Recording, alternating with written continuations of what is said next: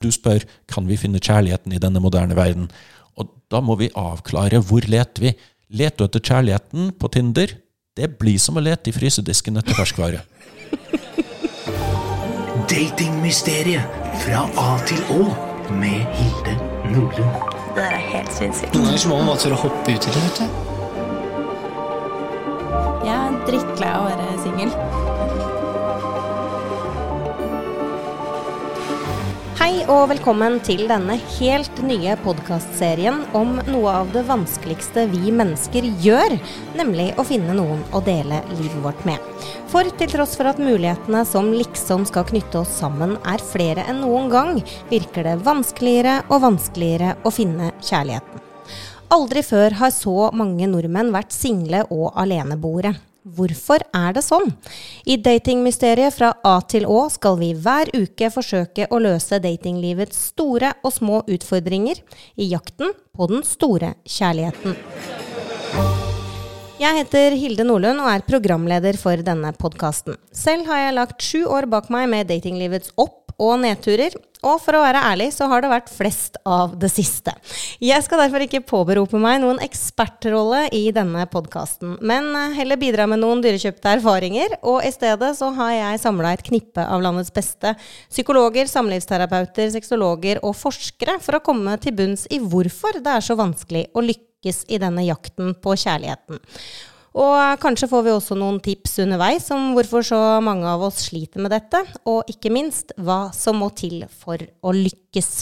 I dag så er jeg så heldig å ha spesialist i klinisk voksenpsykologi og professor her ved NTNU i Trondheim, Leif Edward Ottesen Can-Air, med meg i studio. Velkommen hit. Tusen takk. Du, denne første episoden så starter vi jo naturligvis på bokstaven A, og vi skal jo snakke om både apper og avklaring og avvisning i løpet av den neste halvtimen. Men aller først, hvorfor kan det virke som det er vanskeligere og vanskeligere å finne denne kjærligheten? Det er jo flere forskjellige forhold i samfunnet som gjør det vanskeligere. Og apper, som vi skal snakke litt mer om, er jo på en måte en av de tingene som gjør det vanskeligere, ikke lettere. Eh, spesielt for kvinner så er det vanskeligere der pga. at man får så mange valg. Og Jo flere valg du har, jo vanskeligere å velge. Det er jo ikke så vanskelig å vite hva man skal se på hvis det bare er NRK som uh, finnes på TV-en. Men når alt kan streames og kjøpes, og du, da sitter man og blar og blar og blar gjennom Netflix-katalogen på jakt etter den supre serien som skal redde TV-underholdningen de neste tre timene. ikke sant? Mm.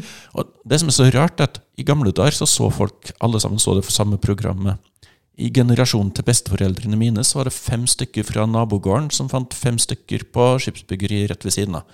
Eh, og sånn var det jo. Mm. De gadd ikke gå langt. Det var ikke så mye valg. Og det var greit å bare ta det som var tilgjengelig. Nå sitter man og leter for det første etter perfeksjon. Um, og man har for mange valgmuligheter. En annen ting er jo individualismen som har utvikla seg, og alle disse ideene om at man skal ha den perfekte kjærligheten. og alt skal være friksjonsfritt. Man mm. kan bytte ut straks det blir problematisk. Så det er mange ting som gjør at det er vanskeligere, tror mm. jeg. Mm. Men det er jo litt absurd. altså Mulighetene har aldri vært så mange. Det fins liksom kanal på kanal. Eh, og i tillegg så er det jo sånn at folk fortsatt går ut, og man har en jobb, og man treffer jo folk eh, gjennom venner og sånn også. Men eh, er det liksom i det hele tatt mulig da å finne kjærligheten på Tinder? Dette har dere blant annet sett litt nærmere på. Ja, altså, jeg vet ikke om jeg ville anbefalt Tinder for kjærligheten. La oss begynne et sted. De fleste som har brukt Tinder, er mer korttidsorientert enn de som aldri har brukt Tinder. Og så er det sånn at de som eh, fortsatt bruker Tinder, de er mer korttidsorientert enn de som har brukt Tinder. Mm. Og det betyr jo egentlig at eh, i motsetning til hva Tinder selv sier, så er Tinder i utgangspunktet en sex-app. Guttene er veldig glad i ideen om en sex-app, mm. men for dem så er det sånn at den ikke spesielt virker. uh, og jentene er ikke nødvendigvis opptatt av en sex-app. De har en app som de bruker når de kjeder seg, og der blar de for å se hva er der ute. Mm. Og så bruk den litt for å se om de er hot or not. Det er jo litt absurd, gitt at alle guttene trålfisker og er forholdsvis ukritiske. Pluss at det går an å kjøpe sånne USB-tomler som eh, bare sveiper alt på nettet. Sånn at du kan ikke bruke det for å vite det. Så først så bruker man det for å ha en bot på kjedsomhet. Man prøver å fjerne kjedsomhet med å titte på den, og så prøver man å finne kjærligheten der. Eh, og hvis man egentlig skal se bak tallene, så kan vi si nokså klart og tydelig de som lykkes på byen, på fest, på jobb, de lykkes på Tinder. Og eh, de som ikke lykkes, lykkes stort sett ikke på Tinder. Sant? Når vi ser på hvor mange one night stands hadde du i perioder av livet der du ikke har brukt Tinder, så ser vi at det er ingen forskjell på når du bruker og ikke bruker.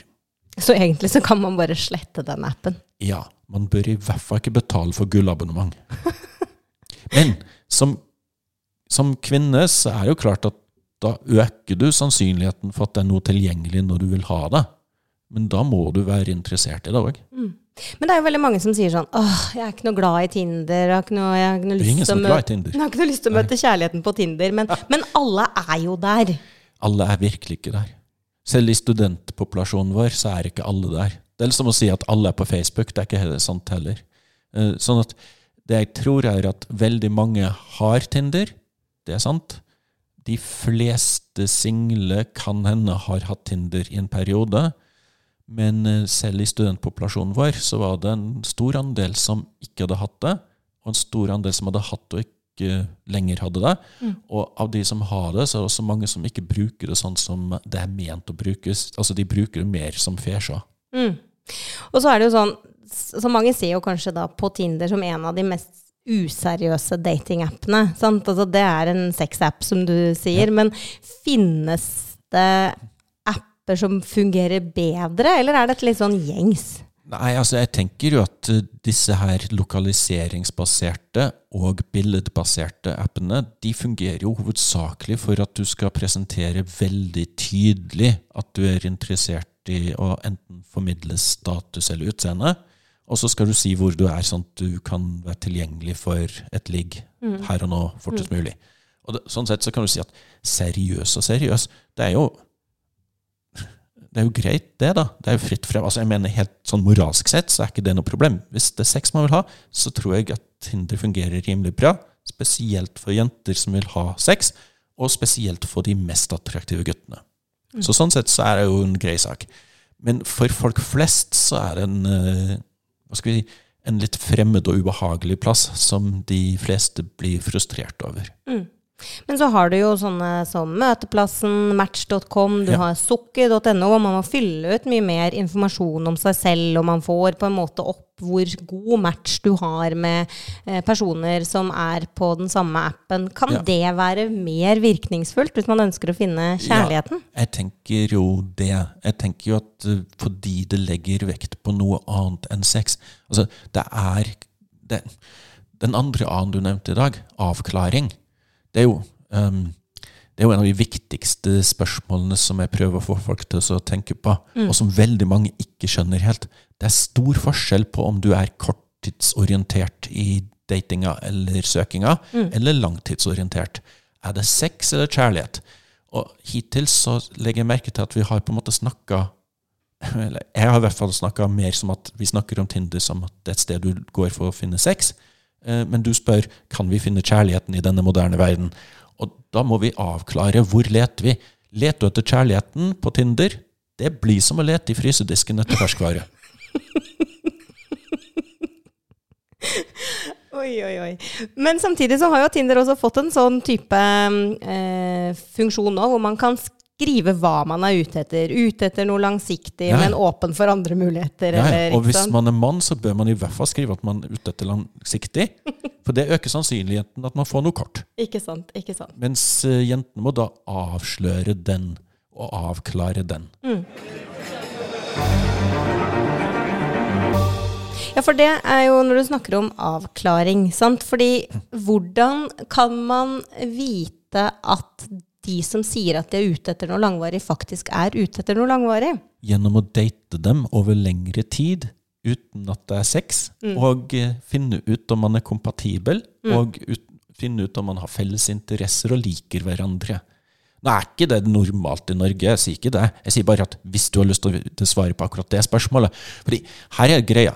Tverrkulturelt så vil menn si 'I love you' mye tidligere enn eh, jenter gjør i forholdet. Sånn at den der kjærlighetserklæringen, den første kom ut av skapet og si 'hallo, her er jeg, jeg er glad i deg', den sitter veldig lagt inne for jenter. Akkurat som at de ikke tar første steget ofte på bar eller andre steder. Så jenter sitter ofte i vurderingsrolla og vil at han skal signalisere forpliktelse.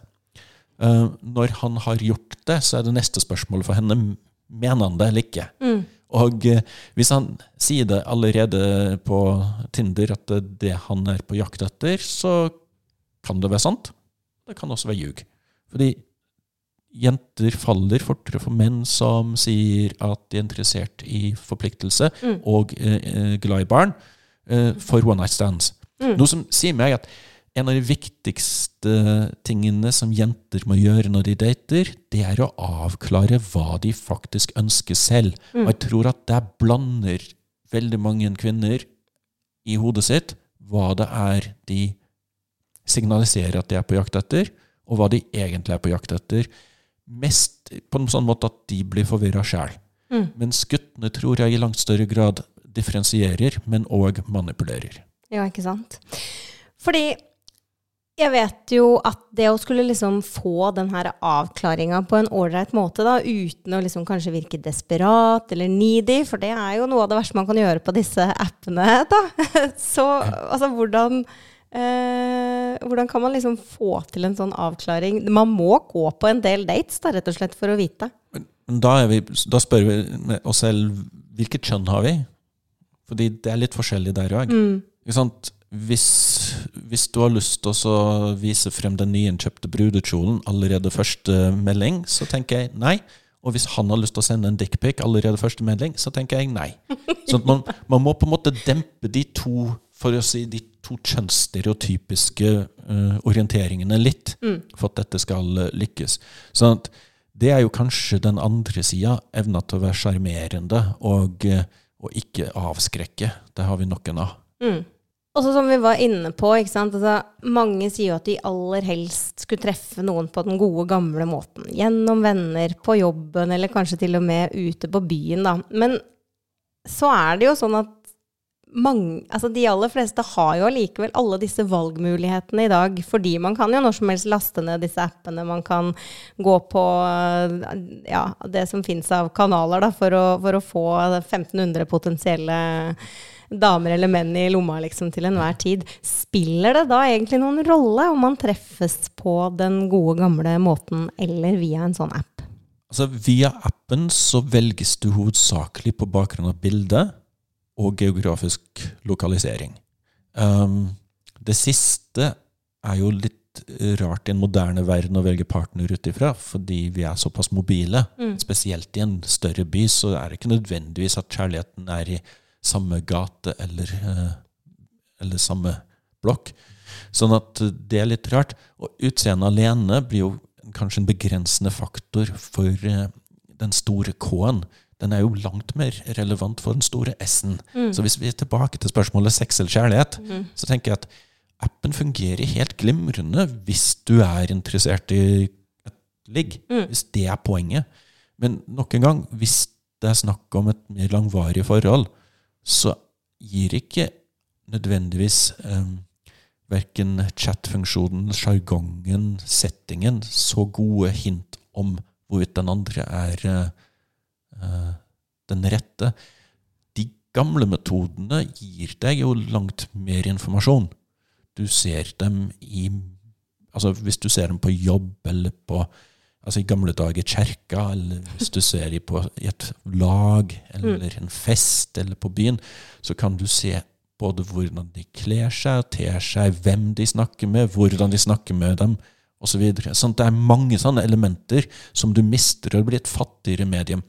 Pluss at selv de mest cheesy pickup-linene er ofte bedre enn de mest cheesy pickup-linene på, på nettet. Mm. Fordi man blir plumpere, rarere, mer trakasserende, underlig i kommunikasjonsformen. Fordi det er ikke alle de der normale sosiale signalene som både språk versus tasting Mm. um, uh, og eh, ja, øyekontakt Muligheten til å snakke litt.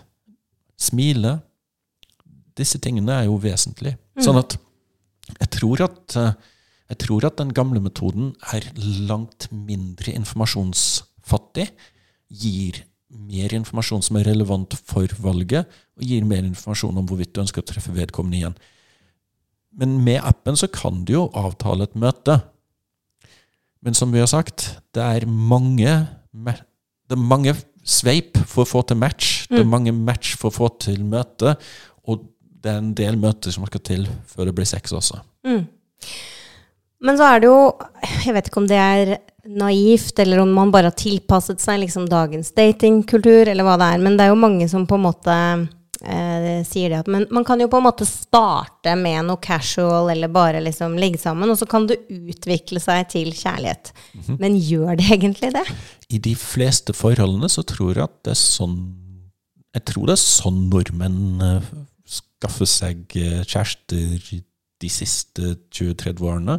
Det starter med noe roting etter en fest eller en bytur, og så, og så henger man litt etterpå, og så blir man litt mer kjent, og så utvikler seg. Sånn, det er ikke det er ikke sånn at jeg mener at vi har noe grunnlag for å hevde at det å ikke ha sex er en måte å bonde på eller bli kjent på. Men jeg sier, hvis du har lyst til å ha svaret på spørsmålet mener han at han eh, er glad i meg eller vil satse på noe langtids, så bør man kanskje være litt mer tilbakeholden med sexen. Hvis det er noe man lurer på. Um, Men er det også sånn at i dag, fordi mulighetene er så mange, da, så er det lettere å hoppe videre til neste hvis man har fått liksom den sexen? For da er spenninga litt sånn Altså, de guttene som får mest, de får jo flest. Og de får flere. Sånn at egentlig så kan du spørre hvem er det som hopper. Så, så, så de guttene som lykkes veldig godt på Tinder, de hopper jo fordi de har ingen grunn til å la være. Og de guttene som ikke får noe, har jo ikke noe hopping å gjøre. Og de jentene som blir skuffa over at han hoppa, har kanskje ikke hoppa så mye. Eh, Men for de som hopper videre da, så er det jo klart at da er du tilbake til spørsmålet forpliktelse. Er det noe du er god på? Er det noe du er villig til å jobbe med? Er det noe du er villig til å ofre litt for å få til? Eller er det sånn at det er kicket, kicket over ny person, spenninga over det første møtet, den der blandingen av eh, Altså vi, når vi snakker om lek hos barn, skummelartig, et begrep vi bruker der, og det er jo samme greia med one night stands. Sånn at den skummelartige greia, hvis det er det som gjør at man får kicket sitt eh, Og så er det en annen ting som jeg kaller Sex and the City-effekten. Når jenter har flere veldig heite one night stands, så for å finne den matchen som er like attraktiv som seg selv, som de har sjans på, så må de faktisk rekalibrere. Fordi gutter går jo ned i standard for one night stands. Så har man ligget med noen hunks, så er det ikke sikkert det er den typen gutt du har sjans på rent utseendemessig til et langtidsforhold. Så da må man rekalibrere, klare å komme seg gjennom den. Og den er ikke alltid så lett. Det har vi sett i media ikke så lenge siden. Folk skrek og hylte, og det var jo forferdelig at man i det hele tatt mente at det fantes. Det er jo helt absurd. Det er jo så naivt at det er vondt. Altså man må senke standarden litt. Men man vet det. Ja. Og hvis man ikke vil vite det, ja ja, det er ikke noe forsker eller psykologer kan hjelpe med, da. Og det er jo lov å være nefrotisk, og det er lov å være psykotisk. Men, men um, har det på en måte altså skjedd noe med måten vi ser på tosomheten og parforhold på? Er vi blitt liksom mindre interessert i det, og faktisk møte den der eneste ene, da? De fleste, når vi spør dem om de er glad i å være singel, sier at de ikke er det. De fleste sier de gjerne skulle funnet noen. Um, så er det klart at de mest korttidsorienterte mennene som lykkes mest, de har kanskje ikke så høy motivasjon for det. Eller de nysingle som vil teste ut litt. Ja. Så kanskje det fins grupperinger i samfunnet som ikke har den motivasjonen sånn uh, helt klart for seg. Og kanskje hvis man flytter til en ny by som student og har lyst til å prøve ting ut litt, så er man kanskje ikke så keen på det. Eh, og så er det kanskje litt lurt rett etter breakup at man er kanskje litt forsiktig. Men de aller, aller fleste, når vi spør er du singel, er du i parforhold, og er du fornøyd med det, så er det sånn at de som er i parforhold, er litt mer fornøyd, og de som er single, er litt misfornøyd, og de som er single, ønsker i større grad å skifte status.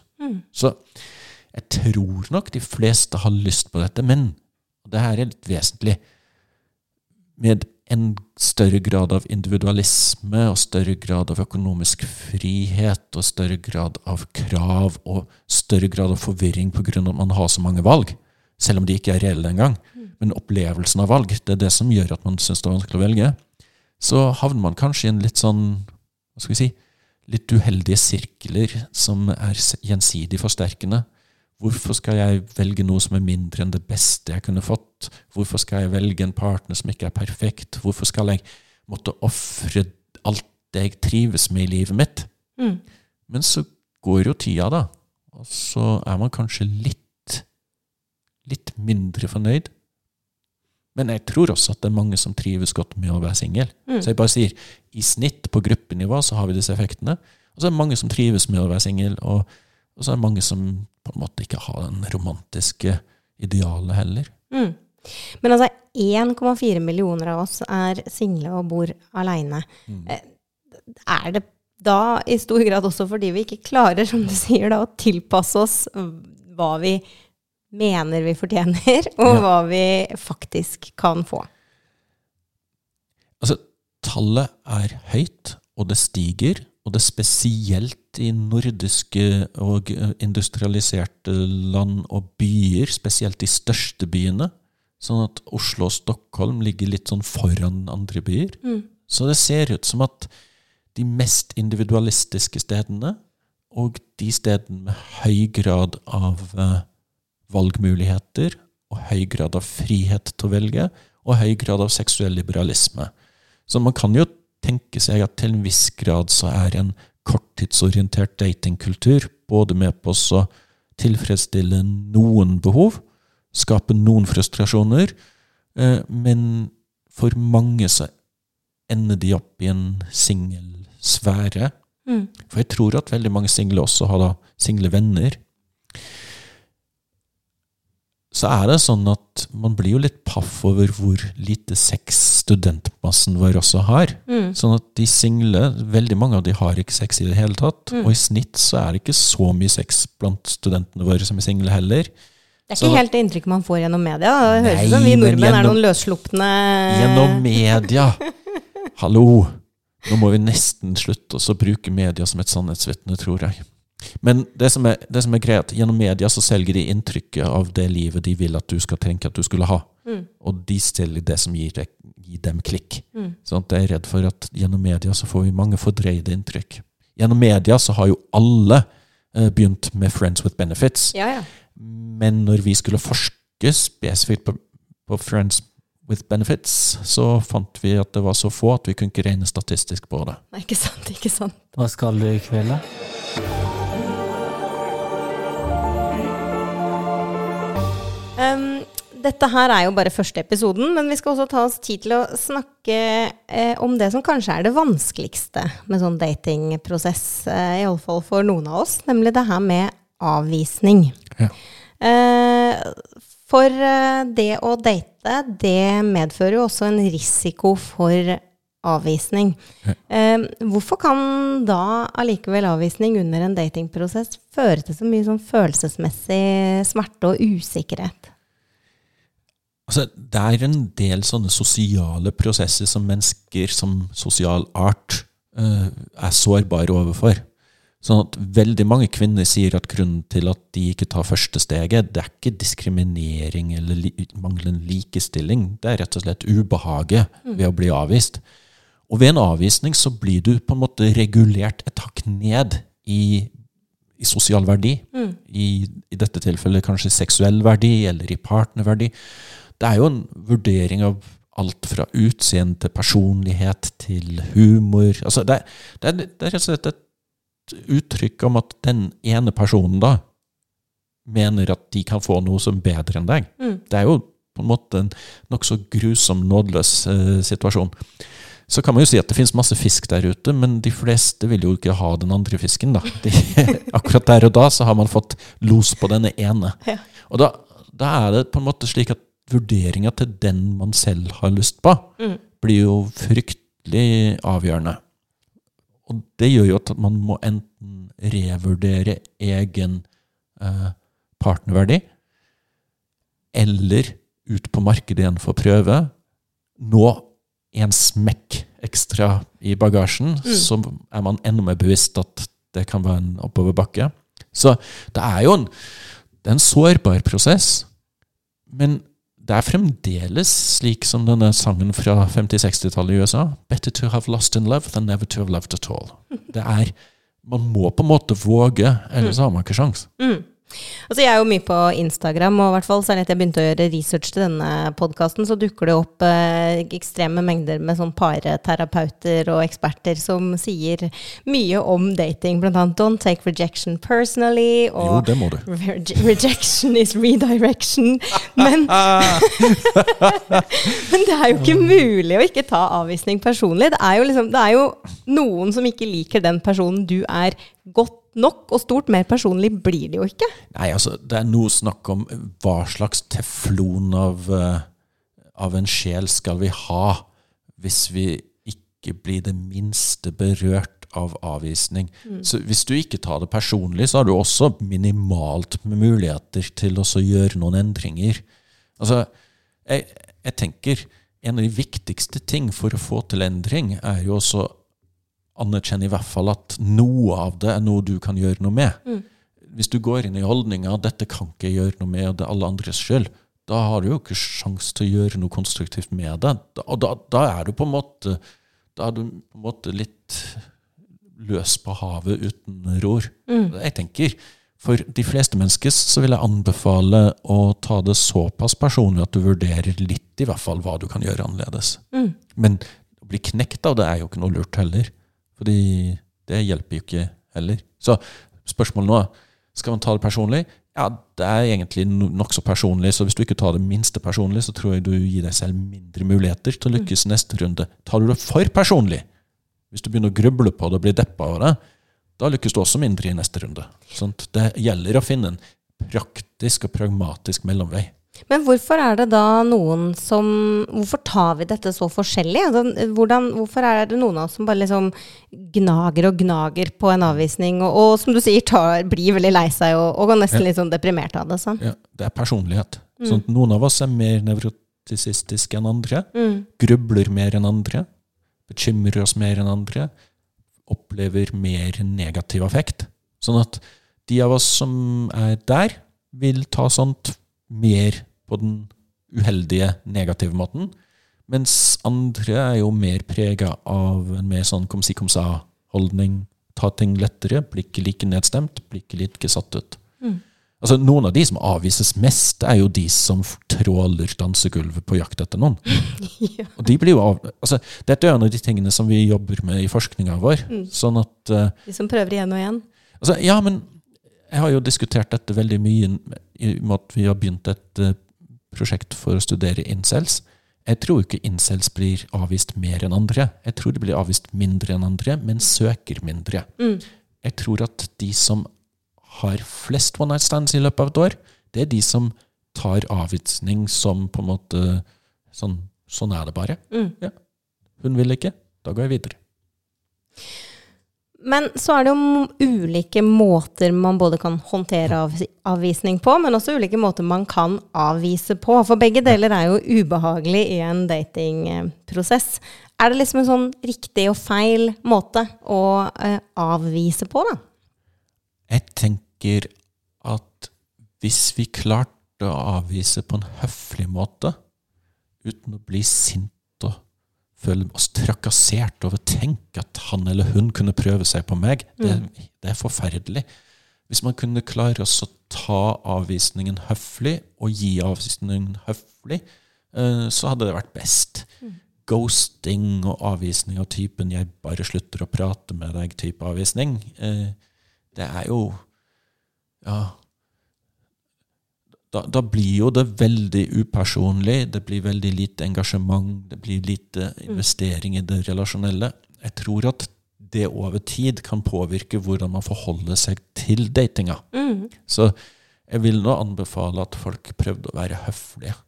Ja, for det har jo på en måte blitt litt sånn at vi ikke Det er ikke så farlig åssen vi liksom oppfører oss mot hverandre på disse datingappene særlig, da.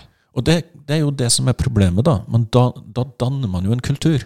Og når den kulturen er overfladisk, kortsiktig, egensentrert, ikke-relasjonell, da er det ikke den store K-en man finner der. Da er det et sted man har for å leke seksuelt, kort tid, overfladisk, for spenningens skyld. Og som sagt, jeg har ingenting imot det. Det må jo få lov, altså, det må jo få lov til å skje. Og jeg tenker at det er veldig bra for de som trives med det, at dette finnes. Og så er det sånn at noen føler seg jo avvist uansett. Mm. selv om det var ment at det skulle være bare overflatisk lek og moro. Og så er det sånn at da må vi komme tilbake til en andre annen avklaring. Så jeg tror at veldig mange ville opplevd avvisning som mindre problematisk hvis de hadde avklart bedre om det var sex eller kjærlighet de var på jakt etter. Så tenker jeg at det ville vært lettere å ikke gå inn i noe man ble avvist av, hvis man hadde den avklaringa bedre på plass. Så jeg tenker at både avklaring og avvisning og app henger sammen. Hvis man, hvis man skal velge tre a-er, så syns jeg at de ordene passer veldig godt sammen. Altså Personlig har jeg jo også fått meg noen, en og annen trøkk når det kommer til eh, datinglivet. Og jeg kan jo kjenne på liksom den der frykten da når jeg kanskje møter noen som jeg liker og har gått på noen dater med, og kjenner at ja, begynner å bli litt sommerfugler i magen, og denne, dette er en fyr jeg har lyst til å treffe videre. At jeg blir veldig redd for at det liksom, jeg skal bli avvist, eller at han skal ombestemme seg brått, eller at han skal ghoste, eller ikke sant? sånne fæle ting man har opplevd før. På hvilken måte kan liksom frykten for avvisning hindre en da, i å liksom kaste seg ut i eh, markedet igjen? Ja, Der kom den fjerde a-en, angst. Ja. Og med angst så kommer sikringsatferd. Og med sikringsatferd så forsterker man angsten, eh, bekrefter den litt overfor seg selv, og så begynner de selvoppfyllende profetiene å komme inn i spill. Fordi da er det jo sånn at man begynner å bli litt rar sjæl. Og det er ikke så lurt, da. Så her er det enda en eh, god runde med avklaring som er på plass. Man eh, Men det er jo altså Som jeg sier, man blir sårbar i den situasjonen, og man blir satt i en vurderingssituasjon, og man begynner å bli nervøs for at det skal gå galt, så gjør man ofte ting som ikke er så adaptivt eller tilpasningsdyktig som nødvendigvis optimalt mulig. Man er ikke Um, helt seg sjæl, liksom. Nei, ikke når du er forelska, og ikke når du er engstelig og forelska. Og det, det er jo to sterke emosjoner som på en måte gjør deg veldig rar. Så da, plutselig så er du ikke helt deg selv i den situasjonen du virkelig virkelig skal være helt deg selv, sånn at den andre kan se akkurat hvor flott du er. Og da, da er det jo sånn at eh, da har du satt deg selv i en liten knipe.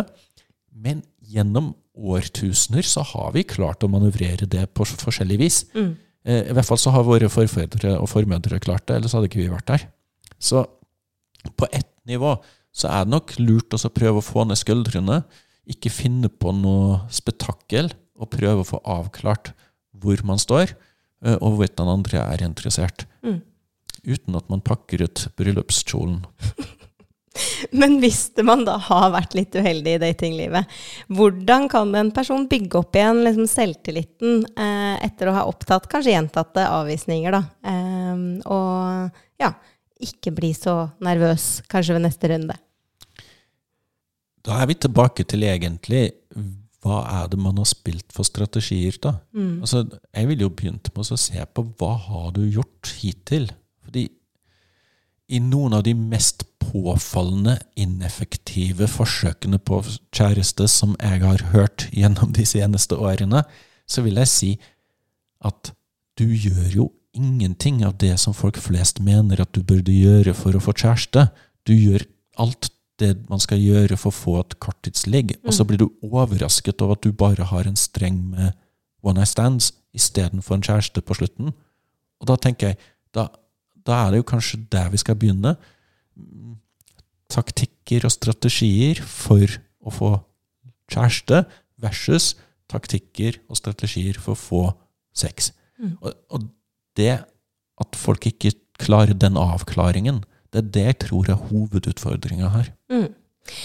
Vi skal avslutte hver episode med et tips eller råd til lytterne våre. Da. Eh, Og når det kommer til dette med apper og avklaring og avvisning, klarer du å merge det sammen til ett godt råd eh, til lytterne?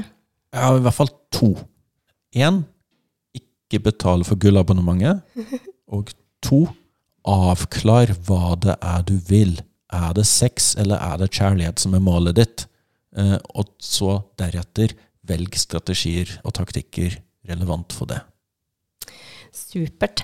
Da er første episode av denne helt nye podkastserien om dating over. Tusen takk til pluss.no for hjelp med lydbildet. Takk til improskuespiller Synne Uddemo Ask, Linda Balsvik og Trym Åsnes for hjelp med lydklipp. Takk til møbelringen Ruen Møbler for oppstartshjelp til denne podkasten. Ruen Møbler finner du på Lillehammer, Raufoss og Jessheim. Sist, men ikke minst, tusen takk for at du hørte på. Neste episode er da altså bokstaven B, og da skal vi bl.a. snakke om bedrag i kjærlighetens navn.